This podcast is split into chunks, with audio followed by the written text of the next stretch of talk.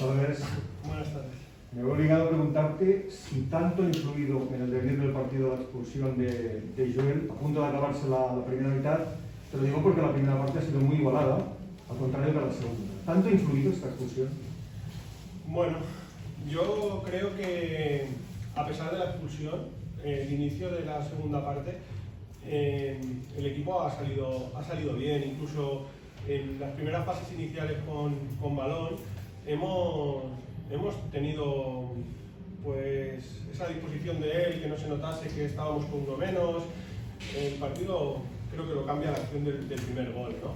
La acción, a partir de, de, la acción del primer gol y viniendo un segundo tan rápido, pienso que, que ahí sí que el partido ya pues, pues ha cambiado como, como usted dice, pero aún así pienso que el Hospitalet ha tenido dos opciones de, meter el 2-1 y de meterse en el partido, e incluso con, con la expulsión luego de, del jugador del Lleida, con ese 2-1, 10 contra 10, hubiera, hubiera habido pues, pues partido, pero el 3-0 ya ha acabado de, de, de, matar, de matar el partido, pero lógicamente las expulsiones pues sí que cuentan porque analizándolo desde un punto de vista táctico y de estructura, pues seguramente si hubiéramos tenido un jugador más como en la primera parte, pues en ese rechace, ese disparo, pues uh, hubiera habido un hombre nuestro ahí, no se hubiera producido, pero todo eso pues son suposiciones que, no las sabemos porque no han pasado, no han existido y no lo sé. Eh, lo que está claro es que,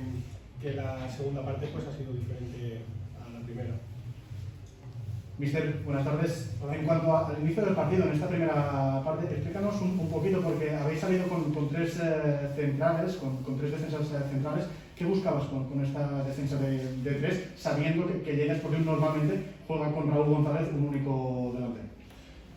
Hola, buenas tardes. Yo pienso que, que el Lleida Sportivo tiene un modelo de juego donde, donde se basa en el juego directo y donde cuando se ponen por delante en el marcador defienden en bloques muy bajos y que es un modelo donde, donde, no, donde no creo que intenten eh, jugar de una manera asociativa, lo que sí que intentan a lo mejor con esa línea de tres cuando se mete medio centro con un único solo pivote es atraer a los rivales para ese golpeo en largo y que en el 4-1-4-1 de ellos pues sus extremos se meten muy dentro. Y aunque parezca que jueguen con un solo delantero eh, al final acaban jugando con, con, tres para ese juego directo, con los laterales muy largos y juntan prácticamente cinco jugadores en, en línea, en, línea en, en, ataque.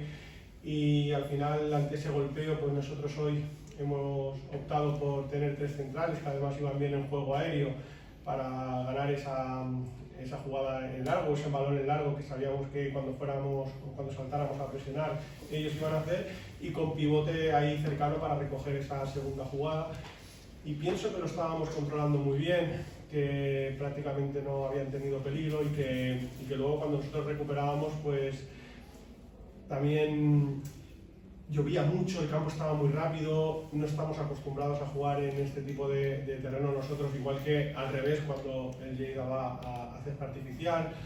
Y, pero con, quitado los primeros 15 minutos de la primera parte, pienso que el equipo ha ido creciendo, se ha ido adaptando al terreno de juego y que los últimos 25 minutos, eh, media hora de la primera parte, el Hospitalet estaba bien en el partido, cuando tenía el balón eh, manejaba bien, eh, disponía bien de él, hemos tenido algunas opciones, algunos eh, corner y como decía tu compañero, pienso que el partido estaba parejo, cada uno jugando a, su estilo de juego, pero la opción de jugar hoy con tres centrales básicamente era para esas peinadas de Raúl, que lo hace también, que no se pudieran aprovechar de ella los, dos extremos del Lleida, que, se juntan mucho con él y se aprovechan mucho de, de, lo que genera Raúl ahí, tanto en peinadas como, como en segundas jugadas.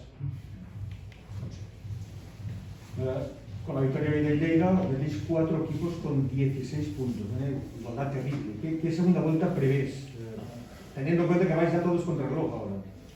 Sí, además 16 puntos el Lleida y con un partido menos. Eh, yo pienso desde el inicio del campeonato, siempre lo he dicho, que el Lleida es un gran equipo, con jugadores fantásticos, con una experiencia terrible, con una pegada impresionante, como, como se ha visto hoy, que en nada te hacen gol y, que es un claro candidato a quedar en, entre los tres primeros, conjuntamente con el Nastic, el Andorra, Cornellá y, y Barça B, que es, un mundo aparte. ¿no?